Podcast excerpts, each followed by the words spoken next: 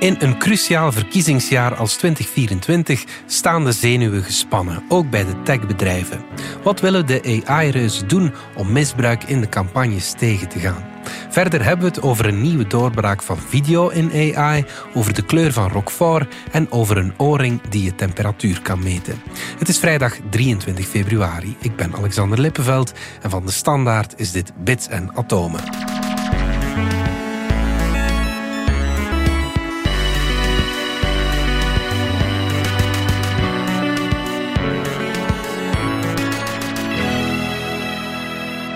Dominique, het is een uh, heel belangrijk verkiezingsjaar bij ons, maar in de rest van de wereld ook.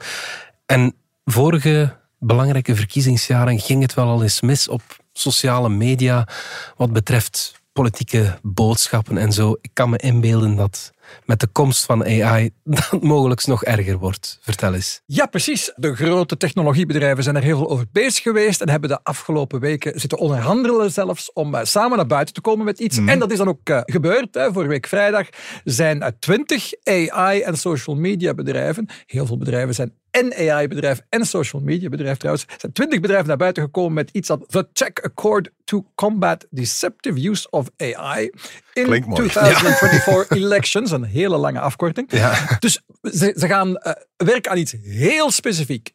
Vermijden dat hun AI gebruikt mm. wordt om misleidende politieke boodschappen te maken die te maken hebben met één van de vele verkiezingen die ergens ter wereld plaatsvinden dit jaar. en dat die dan viraal verspreid worden door sociale media. Kun je toch niet tegenhouden? Uh, wel, je kunt er in ieder geval iets aan doen. Dus tenminste, wat, wat blijkt hieruit, is dat er een realisatie is van dat is eigenlijk niet het enige probleem met AI en mhm. sociale media, maar één mogelijkheid is zeker dat we een misleidende boodschap maakt die er net echt uitziet. Mm uh, en dat is ja, een foto, een video. Want de video's worden steeds beter. Daar kunnen we het misschien straks even over hebben. Uh, maar, en audio, hè, waar, waar niemand had op gelet. Hoe gemakkelijk het is om een stem telefoontje te faken. van Biden. Ja, daar hadden we het uh, een paar weken terug nog over. Een tijdje geleden over gehad. Dus, um, dus, dus heel veel uh, nieuwe manieren om te misleiden. En men beseft dat nu. Hoe gaan we beletten dat dat verspreid wordt op sociale media? We moeten daar iets aan doen. Heel goed. Iedereen doet mee. Ik miste maar één naam, dat is Midjourney. Dat is één van de veel gebruikte uh, generatoren die wel eens gebruikt wordt om een fake bericht te maken. Maar uh, die, die, zullen er dan misschien ook wel bij komen. Dus iedereen doet mee. Maar de vraag is, wat kunnen die gedaan krijgen? En het antwoord is eigenlijk bijna niks. Oh, eh, dus ze hebben gezegd, ze gaan beloven dat ze dus gaan proberen te zorgen dat de AI, die ze, eh, de beelden mhm. en video's en teksten die ze zelf eh, produceren, dat die herkenbaar zijn als door AI gemaakt. En dat gaat dan een soort uh, een waterwerk aan meegeven. We hebben dat er niet zo lang geleden ook eens over mhm. gehad, over die waterwerken. Nu, dat kan wel. Uh, wat dat je kan doen, is aan je eigen uh, AI kan je zorgen dat die een waterwerk meegeeft aan, aan video's en foto's tekst is dat veel moeilijker, mm alhoewel het niet totaal onmogelijk is. Het probleem is dat je ook andere beeldgeneratoren hebt die, die niet meer onder de controle van die bedrijven vallen. Ja, ja, ja. Uh, onder meer open source modellen. En ja, die gaan dat watermerk niet plots krijgen. Hè. Dus ze kunnen wel van de nieuwste modellen zorgen dat, dat die alleen maar uh, beelden en video's met een watermerk uh, creëren. Maar ze kunnen dat niet doen met die oudere software die ook best wel in staat was een goede fake foto te maken. Dus het werkt niet meer met terugwerkende kracht. En dan is het, ja, het, het tegengaan dat dan verspreid zouden worden. Ja, als, als je ze niet echt met zekerheid, Als je ze niet met zekerheid kan uh, herkennen op basis van zo'n watermerk, is het sowieso zoeken. En mhm. dan moet je dus ja, snel zijn, mhm. maar hoe ga je het dan detecteren? Als iemand het aanmeldt, ja, ze kunnen daar ook niks van op papier zetten. Van, we, we beloven bijvoorbeeld dat we ze allemaal binnen de minuut gaan verwijderen of zo. Ze weten niet hoe dat ze het gaan herkennen. Ze gaan natuurlijk samenwerken eh, uh, om beter mhm. eh, eh, door AI gemaakte misleidende politieke informatie te herkennen. En wat gaan ze dan doen? Weghalen Nee, eventueel weghalen. Ze hebben niet afgesproken dat die weggehaald wordt. Alleen dat ze er uh, voorzichtig mee gaan omspringen. En dat kan dus ook betekenen een waarschuwing erop zetten.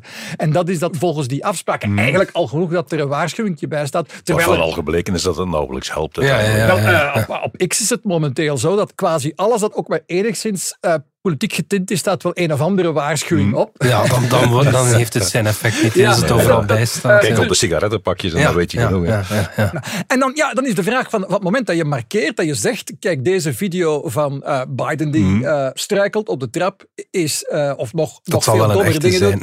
Um, ja, stel dat er dan gewoon bij staat, het is met AI gemaakt, ga je erop letten? ga je dat op een andere manier zien?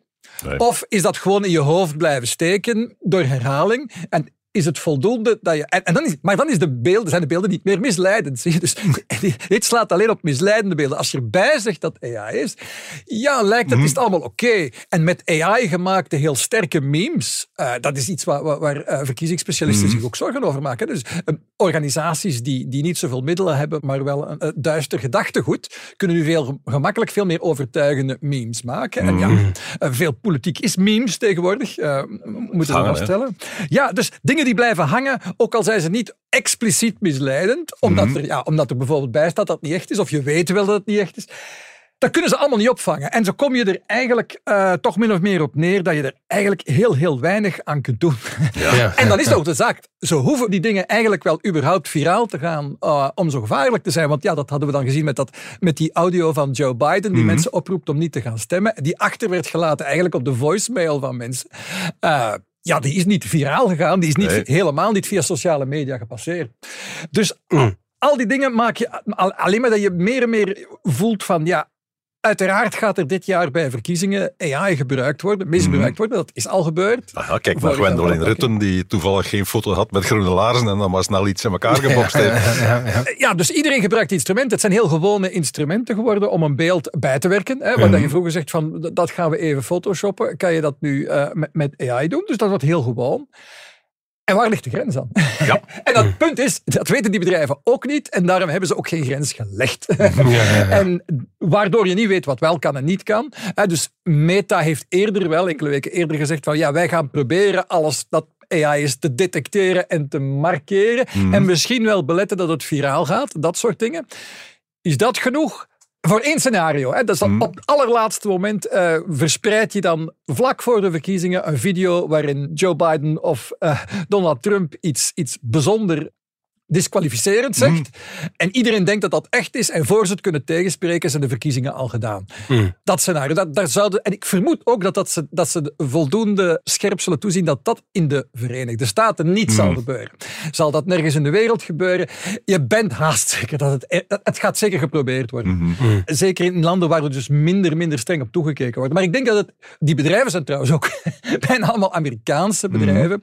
Er zijn bijvoorbeeld ook in China wel grote taalmodellen modellen en beeldgeneratoren. Uh, dus de, de, de, uh, die, die, die dat niet bij betrokken zijn. Mm -hmm. Dus er zitten zoveel gaten in dat inderdaad, uh, ja, als je dan ziet dat er zo'n akkoord komt, dan maak je je eigenlijk meer zorgen dan voor die. Ja, ja, ja. ja. Eén voordeel Dominique, dat is een ander verhaal, maar het ligt er wel nou bij. Instagram en uh, Threads, Twitter van uh, Meta, zeg maar.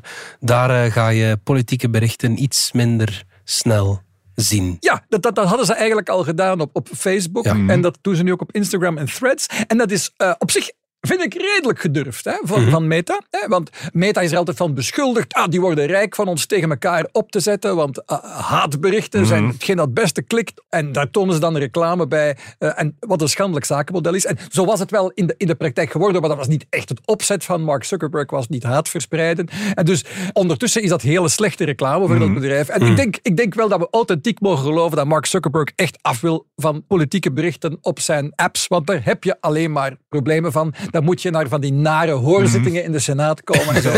dat heeft hij ondertussen wel een klein beetje gehad. Dus ik geloof dat ook echt wel. Maar als hij nu zegt van Threads, Threads is eigenlijk een concurrent voor Twitter dat nu X heet. X is opgeschoven naar een soort rechts opiniemedium, hè, mm -hmm. waar, waar rechtse opiniemakers tegen elkaar uh, oproepen. En dan was er echt een opportuniteit om, om iedereen die zo centrum en links was, mm. naar threads te halen. Die mensen waren al aan het komen en nu heeft eigenlijk Zuckerberg toch durven zeggen van nee, we gaan dat niet doen.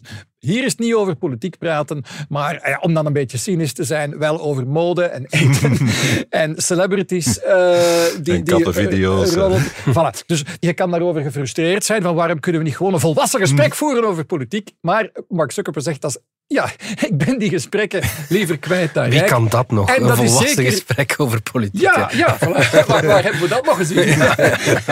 maar, dat is lang geleden. Maar dus in 2024 gaan we zo'n uh, volwassen gesprek over politiek niet veel zien. En dus op sociale media, op threads dus helemaal geen politiek gesprek is hun bedoeling. En uh, ja, dat lijkt me op zich uh, wel in ieder geval verstandig mm -hmm. van, van Mark Zuckerberg om te zorgen dat hij niet in de hoek zit waar de klappen vallen dit keer. Mm -hmm. Oké. Okay.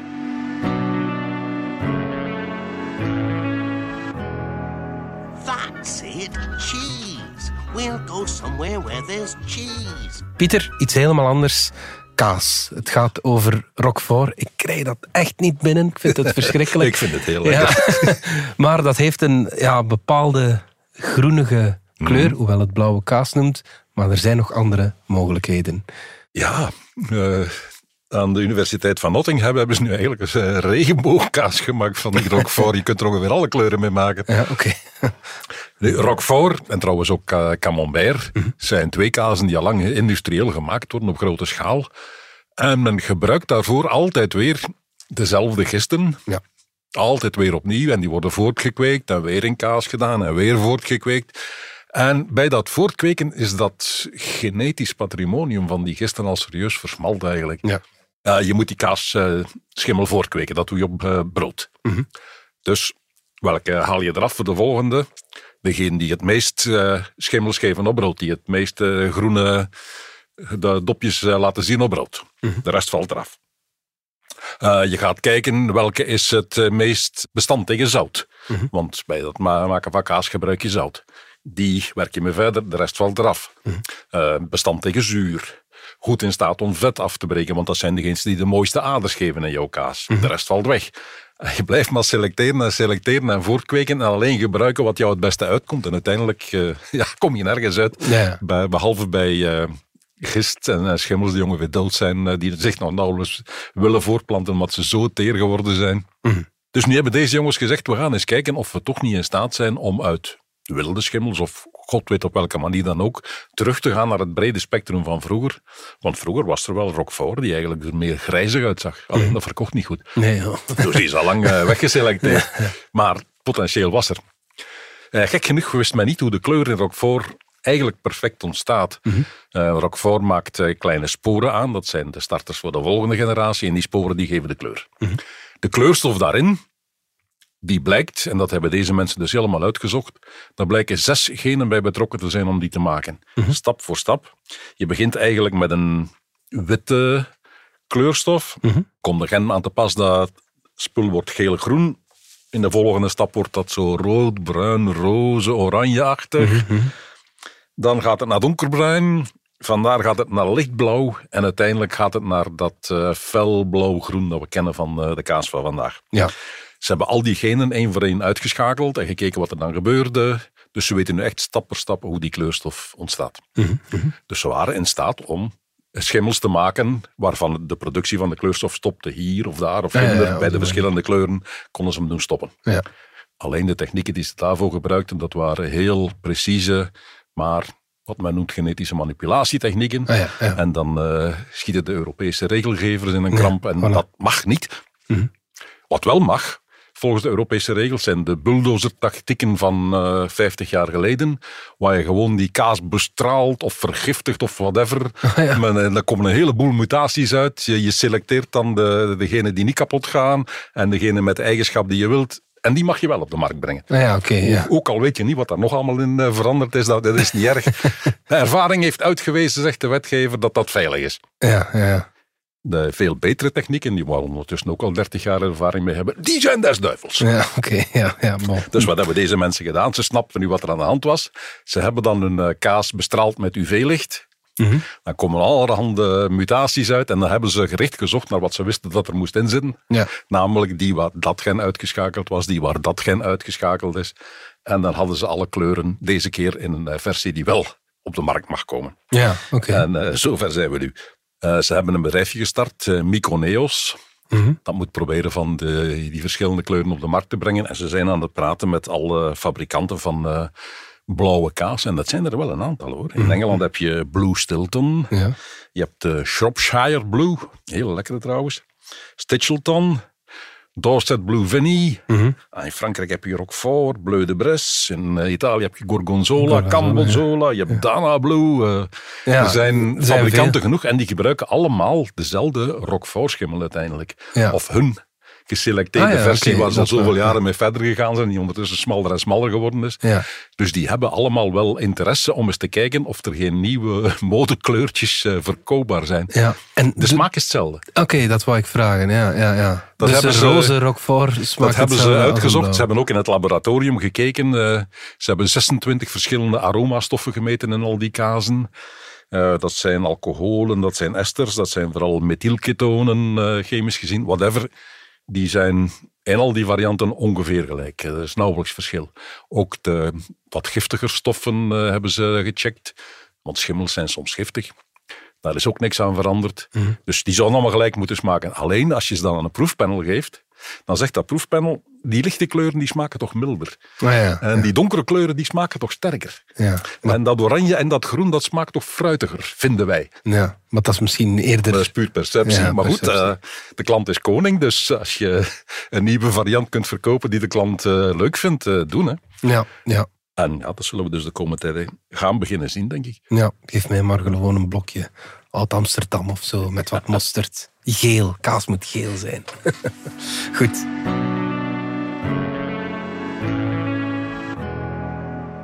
Dominique, een paar weken geleden hadden we een podcast die als titel had iets in de aard van als AI video doorbreekt, dan zijn we er helemaal.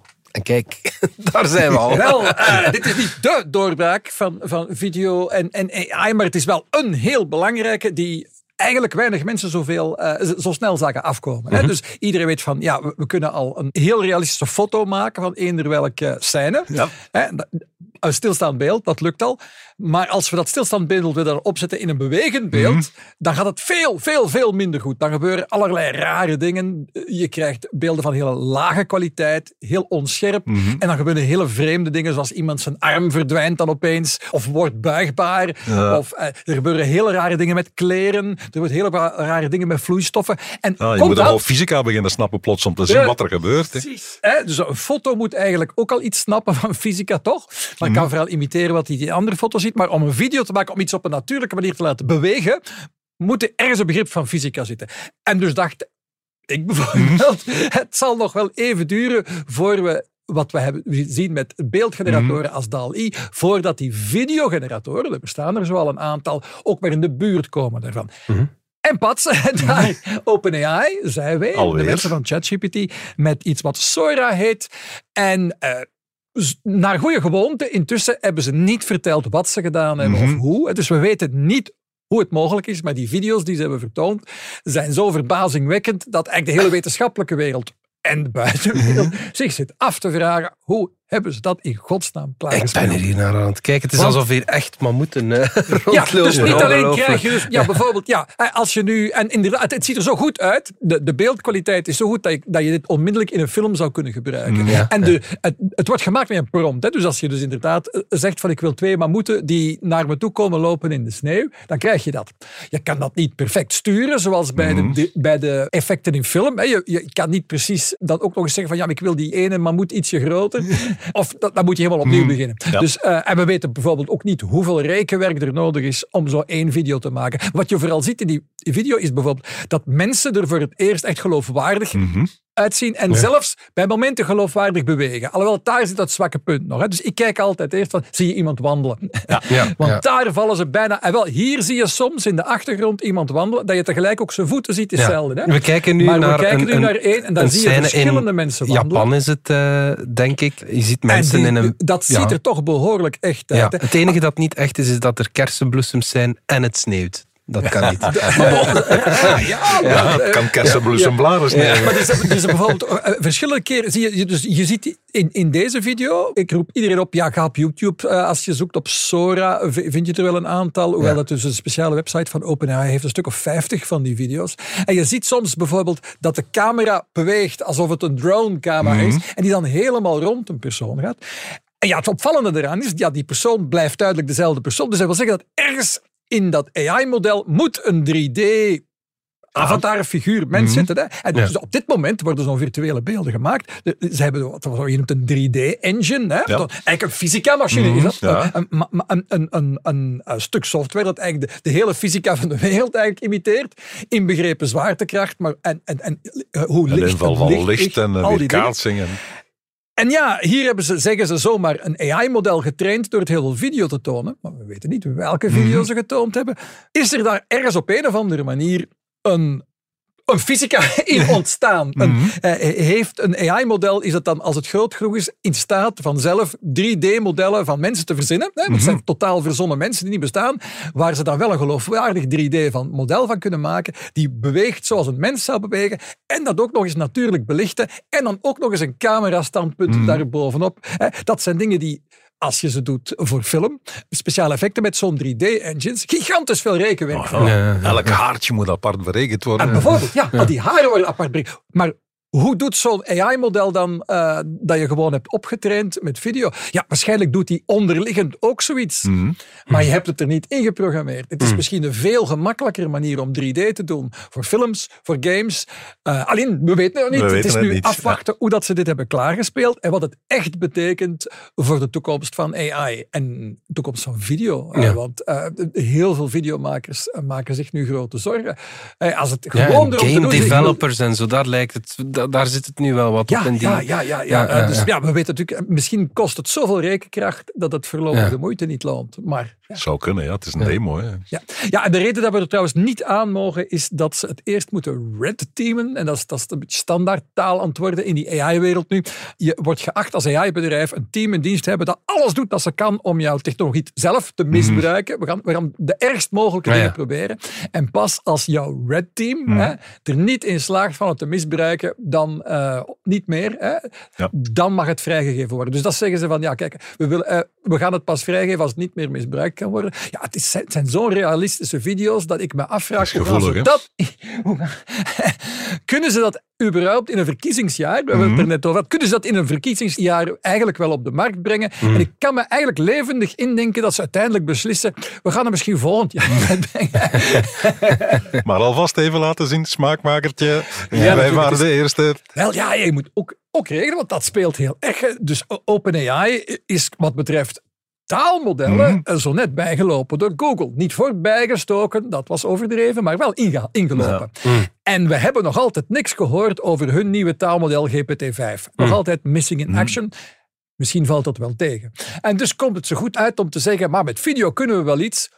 Ook al gaan we dat voorlopig niet in handen van de mensen geven, want Ja, ja, ja. er, zijn, er zijn te veel problemen mee. Eh, dus Alweer een eh, ja, belangrijke stap in de ontwikkeling van AI, zeg maar. Wel, ja, ja, net nu dat we dachten met die taalmodellen, is iedereen nu elkaar een beetje aan het inhalen en lijkt dat ergens te plafonneren. En dan is het met die video we- weer... eh, het, het, stopt, het stopt niet en het zal dit jaar niet stoppen.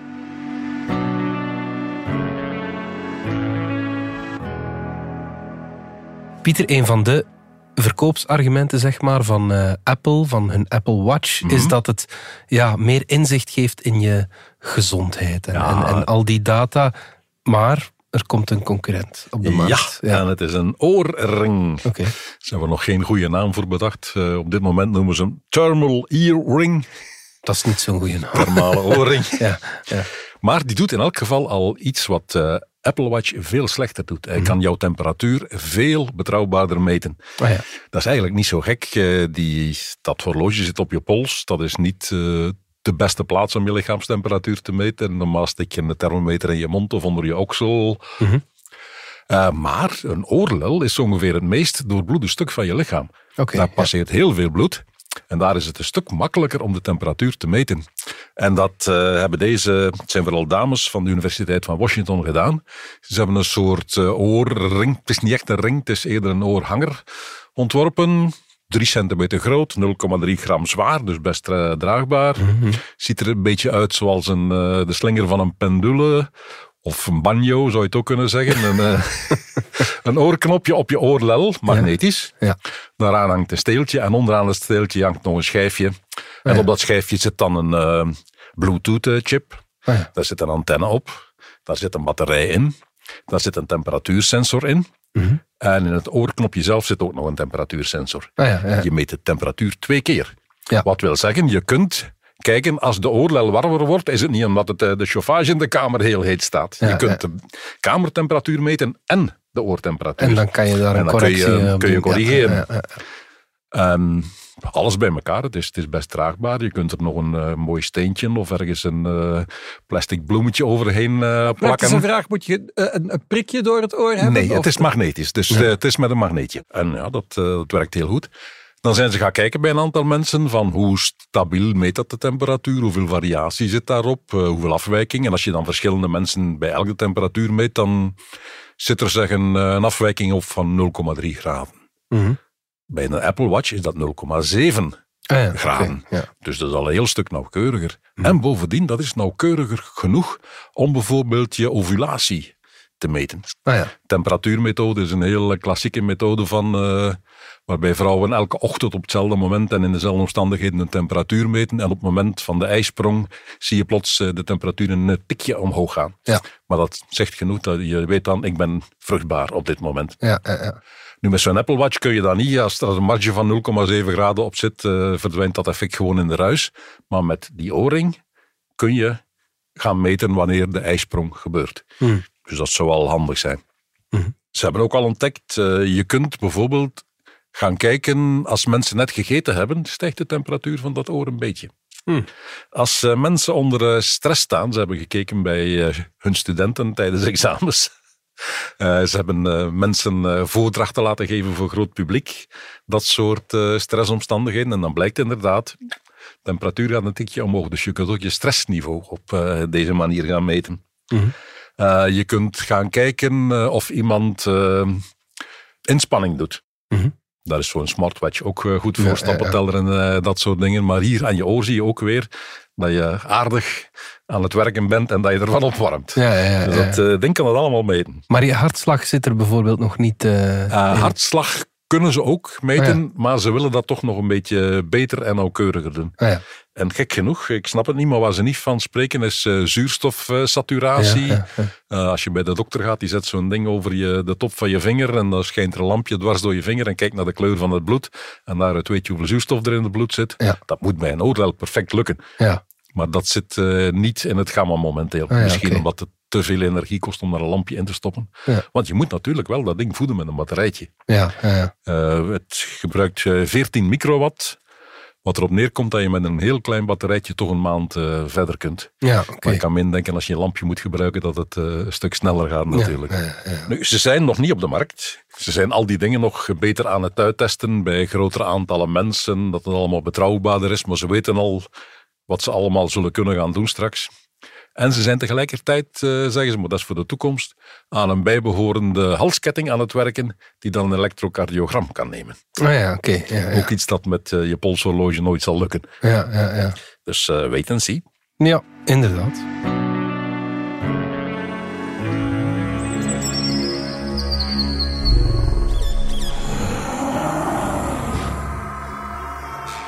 Tot slot het eh, beest van de week, Pieter, en dat is een goudrug boskikker. Ja, zelfs eh, meer dan dat. Het is de middelste Indische goudrug boskikker. Oké. In het Latijn Indo Silvarana intermedia. Kikker bestaat al lang. Is lang bekend. Een tijdje geleden was er een eh, Indisch clubje van liefhebbers van kikkers en padden en eh, aanverwanten. En die waren ergens in de jungle in het westen van India, in de buurt van eh, stad Karnataka, gaan kijken naar een poeltje waar veel van eh, die kikkers zaten. Gingen die gewoon observeren voor de, voor de sport, voor de lol. En toen zagen ze daar een kikker, ongeveer een, een duim groot zoiets. Ah, ja. Die zat op een tak. En vanuit zijn zij ontstond een paddenstoel. Ja, oké. dat is nog nooit vertoond. Paddenstoelen zijn normaal eh, zijn, eh, schimmels die groeien op dood, altijd op dood materiaal, die dat verteren. En als ze zich heel goed voelen, als ze heel veel zwamdraden kunnen verspreiden, hebben daar overal lekker gegeten hebben, pas dan ontstaat zo'n paddenstoel, is een eh, manier van seksuele voortplanting. Ah, ja, ja. Maar dat doen ze alleen als ze zich heel goed voelen en zich kunnen volvreten hebben. Mhm. En op zo'n kikkerhuid, ik, ik zou niet weten wat daar te eten valt. Integendeel, kikkers zijn tamelijk goed in het eh, wegduwen van eh, schimmels. Niet helemaal, want er is ook een eh, eencellige schimmel die leeft van nou weer dode huidcellen en zo. Mhm. Die op dit moment kikkers en amfibieën bedreigt ja, zelfs. eh, ja, ja. die levensgevaarlijk is. Maar dit, ze hebben dan een foto gemaakt van de kikker, die op internet gezet en gevraagd, is er ergens een eh paddenstoelenspecialist die ons kan zeggen wat dat paddenstoeltje hier was? Het was smal steeltje, centimeter groot zoiets, met daar een soort klokvormig hoedje bovenop. Bleek, half doorschijnend, melkachtig. En dan hebben ze mails gekregen van een hele hoop eh, specialisten die allemaal zeggen het moet eh, van het geslacht Mycena zijn. Want dat is een geslacht met meer dan duizend soorten. Maar het moet een van, van die clubs zijn eh, waarschijnlijk op het zicht te zien. We zouden het moeten kunnen vast hebben om het zeker te weten. Die- Ze hebben de kikker niet gevangen, dus ze hebben hem alleen gezien. Maar hij zag er gezond uit. Hij bewoog normaal. Hij eh, wandelde. Ze hebben hem in 20 minuten gevolgd. Maar niemand snapt hoe het kan dat een paddenstoel groeit in de levende huid van een kikker. Er is een jaar geleden ongeveer is er één geval eh, gemeld van ook een eh Mycena-soort. En die groeide op de wortel van een levende boom. Dat was voor de eerste keer dat het op een levende plant groeide. Ah ja. Dus ja, Ja. de rest zal eh, altijd een mysterie blijven. De kikker is al lang weer terug weggesprongen. Wel We hebben alleen de foto, maar die is dus wel eh, toch uniek. het mysterie van de paddenstoel, zeg maar. Goed. En niet gegenereerd met Midjourney. Ook dat moeten we afwachten natuurlijk.